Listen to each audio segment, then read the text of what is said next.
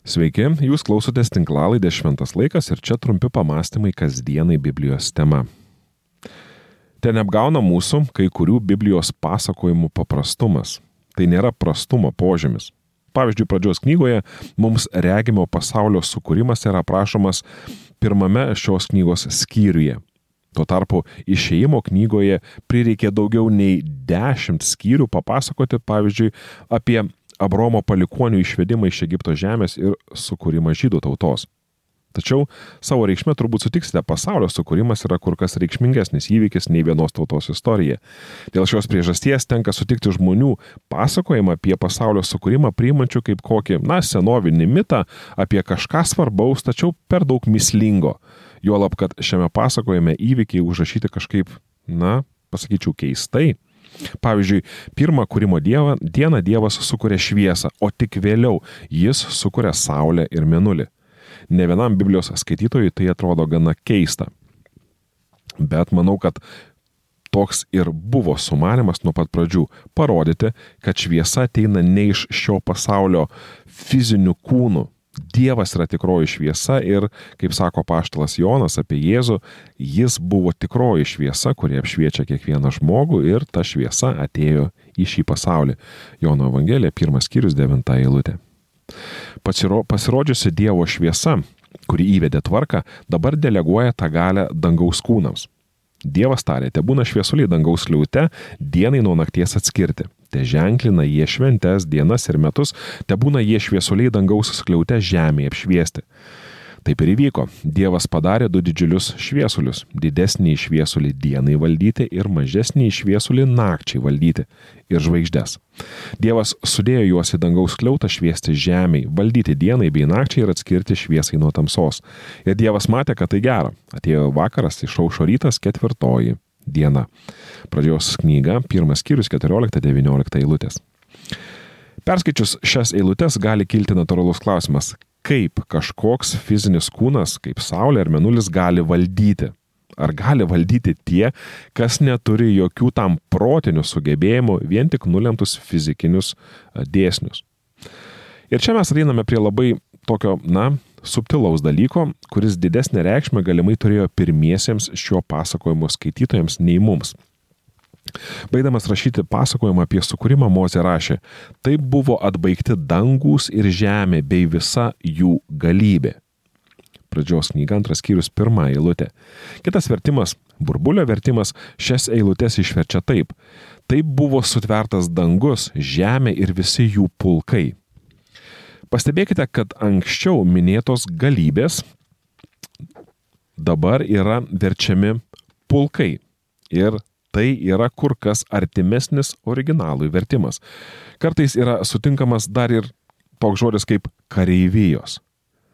Biblijoje Dievas gana dažnai yra vadinamas galybių viešpats, kaip pavyzdžiui psalmėse. Kasgi tas garbės karalius yra klausima.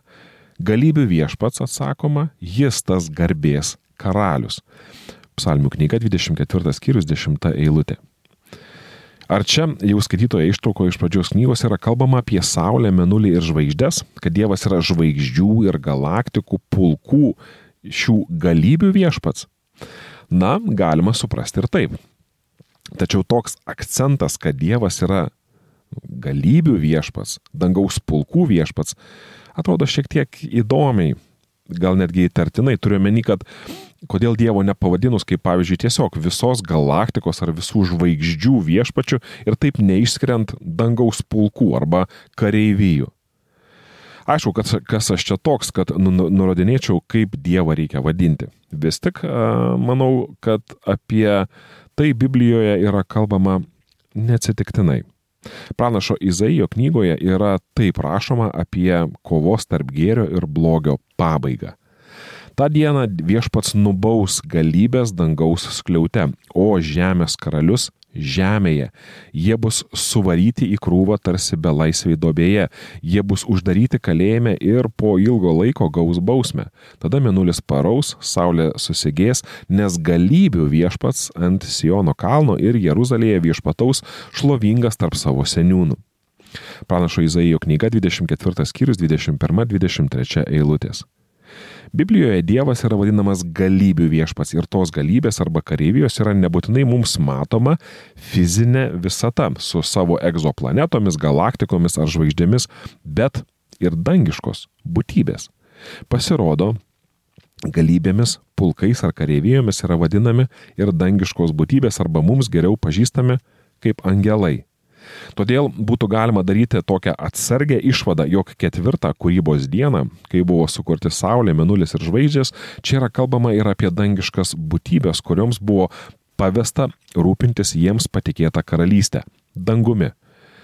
Ši mintis buvo kur kas natūralesnė pirmiesiems Mozės pasakojimo skaitytojams, nes toje kultūroje buvo įprasta planetas ir žvaigždės sudėvinti ir jas garbinti. Mes turėdami tokią pažangą žinome, kad Mėnulis ir Saulė ar net visos galaktikos nėra angelai, tai fiziniai kūnai pavaldus fiziniams visatos dėsniams.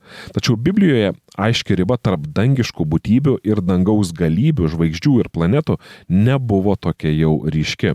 Kaip pavyzdys, Saulės kultas buvo pavyzdžiui paplitęs daugelį senovės religijų nuo indėnų iki senovės egiptiečių, kur Saulės dievai Amnonas, Horas, Ra buvo vieni svarbiausių dievų - soliarinių mitų pagrindiniai personažai. Saulės garbinimą atrandame ir šumerų, akadų, babiloniečių, asirų tautose, kur būdavo garbinamas Mitra Ir tai tik keletas tautų ar net civilizacijų, kur dangaus kūnų garbinimas būdavo įprasta praktika. Soliarinės dievybės dažniausiai būdavo vyriausios panteone, dažniausiai laikytos draugiškomis žmonėms, joms dažniausiai būdavo priskiriamos gyvybės, šviesos, teisingumo, sveikatos teikėjų ir panašios funkcijos. Jos įkūnijo nuolatinį atsinaujinimą, Pavyzdžiui, Romos imperijoje buvo švenčiama nenugalimosios Saulės šventė, latiniškai Sol Invictus.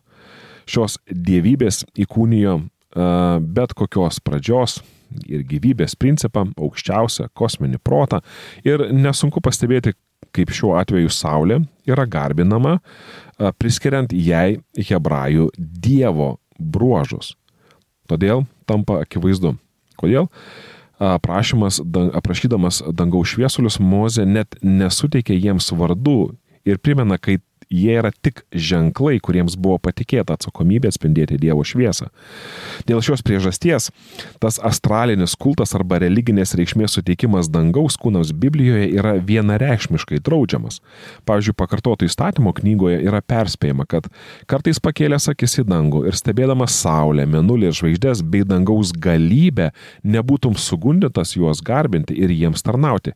Juos viešpas tavo Dievas davė visoms tautoms esančioms visur po dangumi. Pakartoto įstatymo knyga, ketvirtas skyrius, 19 eilutė. Mes turėdami tokią pažangą, žinome, kad Menulis ir Saulė, ar net visos galaktikos, nėra angelai. Aš jau kartojuosi. Mes jų nesudėviname, nes žinome, jog tai fiziniai kūnai pavaldus fiziniams visatos dėsniams. Tačiau Biblijoje aiški riba tarp dangiškų būtybių ir dangaus galybių, žvaigždžių ir planetų nebuvo tokia jau ryški ir Dievas aiškiai parodo, kad dangiškų galybių valdos yra dangus, jos neturėtų kištis į žemės reikalus. Vis tik Pavyzdžiui, astrologijos paplitimas ir domėjimasis, kaip žvaigždės daro įtaką ar lemia žmonių gyvenimus, yra kaip niekada gajus, netgi mūsų dienomis ir yra lygiai, yra lyg koks senovinio dangaus šviesulių kulto atgimimas. Atrodo, kad gyvendami mokslo amžiuje mes vis tiek atsiliepiame tam senoviniam kvietimui garbinti dangaus šviesulius, nors dauguma tokių žmonių savęs religingais ir nepavadintų.